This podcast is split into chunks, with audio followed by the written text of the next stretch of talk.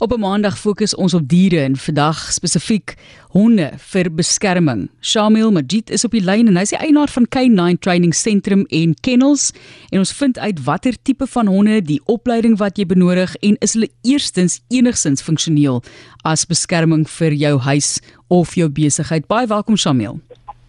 Baie dankie Matius. Goeiemiddag aan jou en middag aan die luisteraars ook. So, is honde effektief as dit kom by die beskerming van jou huis? Ja, nee, baie effektief. Ek dink dit is maar seker storie ja, maar die een faktor wat ons maar altyd as familie mense ge gebruik het as 'n afskrikmiddel sowel as 'n beskermingsmetode, né?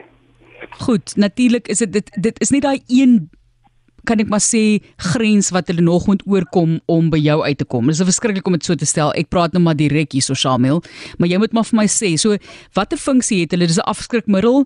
Ehm um, 'n mens wil nie sien dat iemand seer gemaak word nie, maar op die ou end moet jy tog jouself ook kan beskerm. Ja, kyk as mens nooit daarna, dan jy weet ons het 'n bietjie vorentoe beweeg met die hele sal ek sê sekuriteit hond so.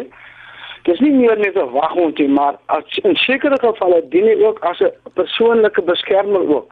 Jy weet, aanvanklik was dit die stories maar maar die hond is maar aan aan die bewerf rond daar en as iemand kom met 'n of blaf of maar seker die persoon byt.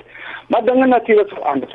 Jy weet ons ja. ons ons kyk seker goed aan byvoorbeeld die stillike mense byvoorbeeld uh, hulle sit met die probleem as jy hond te veel blaf en dan uh, komplain die diere omtrent daai storie ook. So dit dit, dit kan maar 'n bietjie maar 'n bietjie moeilik wees ook in terme van jy weet die toepassing van die waghond ook dan daar.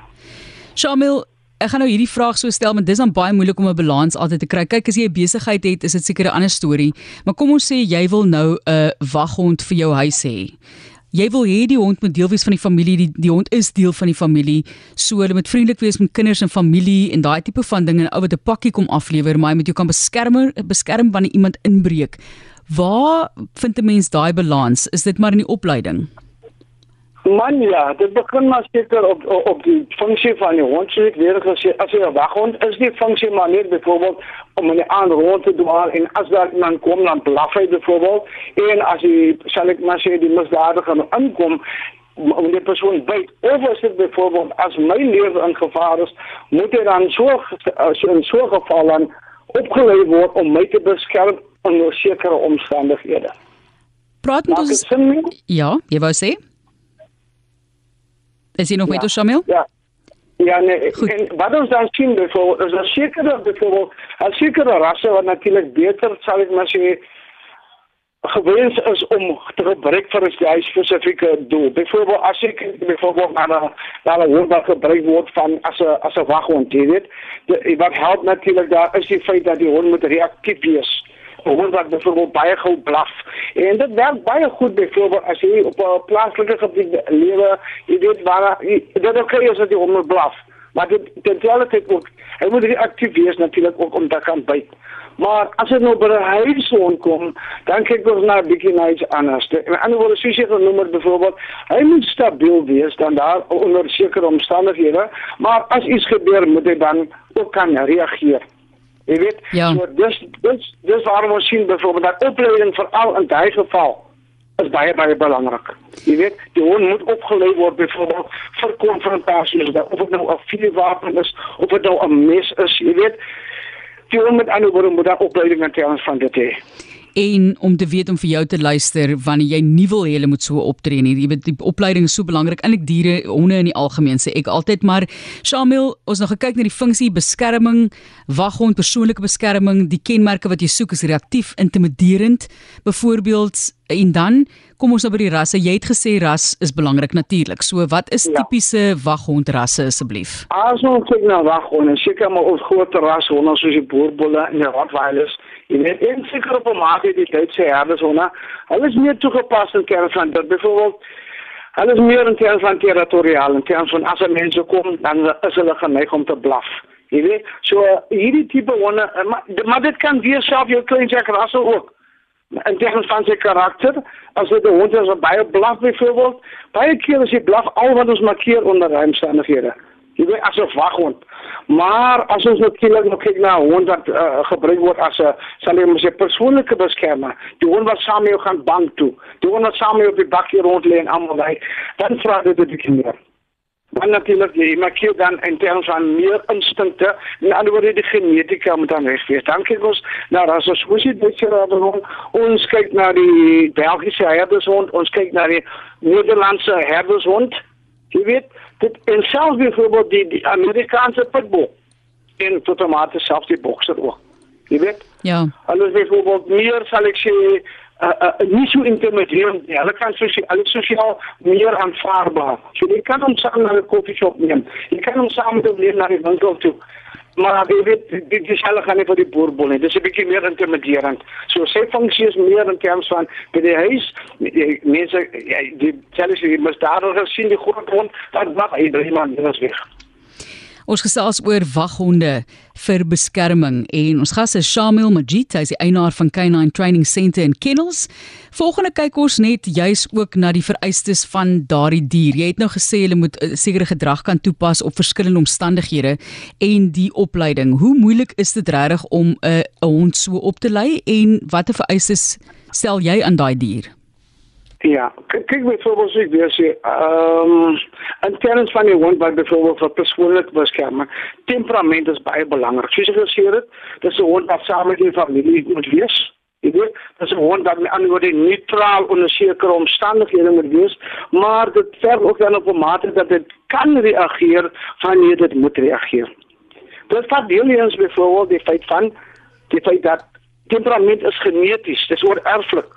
Maar Natuurlik dit word ook beïnvloed deur die omstandighede rondom. En hier dis dis waar die opleiding inkom. Die blootstelling byvoorbeeld uh uh aan aan seleksie doelgerigte opleiding, doelgerigte scenario's, doelgerigte opleiding in terme van van dit ook byvoorbeeld. Ja. Ek voorbeeld as ons kyk na sosialisering van die hond, ek dink die meeste van gevalle die probleme wat ons het is die die die die blootstelling aan te veel mense. Jy kan nie verwag dat die hond moet met almal vriendelik wees en op 'n dag loop 'n man in en dan verwag jy nou skielik moet hy kan onderskei tussen wat 'n booswinger en 'n verkeerde persoon is en 'n vriendelike persoon is. Dit is 'n bietjie te veel van 'n vraag van 'n hond. Jy weet, ja. so as jy aan die woorde kom van die blootstelling en teenoor van mense beperk. Beheerde. Jy moet jy in ander woorde beperk dit tot die familielede en mense wat jy ken. As jy gaste oor het, sit hom aan een kant hou hom weg van en ander woorde moet hom nie oorvriendelik maak nie. Want op die einde van die dag is dit so dat die hond is maar 'n sosiale dier, selfs as ons en as ek te veel byvoorbeeld dit kry aan die buitekant, dan gaan soek jy dit van byvoorbeeld die misdadige loop. En dis hoe honde gesteel word en so voort. Jy weet? Ja. So dit is belangrik dan byvoorbeeld dat dat met ander woorde die ontwikkeling van die hond begin met die huiseienaar. Hoe hoe hy dit beperk. Ek sê altyd jy weet 'n hond wil vir jou presies gee wat jy van hom vra, maar dan moet jy duidelike aanwysings gee en dit duidelik hanteer. Samuel, kom ons praat oor die wet. Daar is mos mhm. natuurlik nou 'n klomp dinge om daarin ag te neem. Ons weet jy kan nie net iemand skiet sommer sommer wat op jou perseel beland nie. Hoe maak ons in terme van die wettige vereistes? Ja, kom ons kyk maar hier eens volgens die wet. As dit so dat die die honderd maar dieselfde status as enige ander wapen. Met ander woorde, daar moet iemand in beheer van daai wapen wees. Jy kan die hond by ander woorde gaan nie verantwoordelik gehou word as jy byvoorbeeld die posman bytie jy gaan verantwoordelik gehou word daarvoor.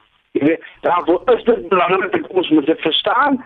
Ons kan nie net bijvoorbeeld verwacht dat die hond iemand verskielen als hij in je huis inloopt en dat is je einde daarvan. Nee, nee, dat is niet gek, nee, dat is je hond. Dat werkt niet zo met de wet, nee. De wet zegt, jij wordt verantwoordelijk gehouden daarvoor. Zo, so, jij moet dan dit verstaan. Dit, dit, dit bedoelt met andere woorden, dat beheer over die hond is distans hoe belangrijk.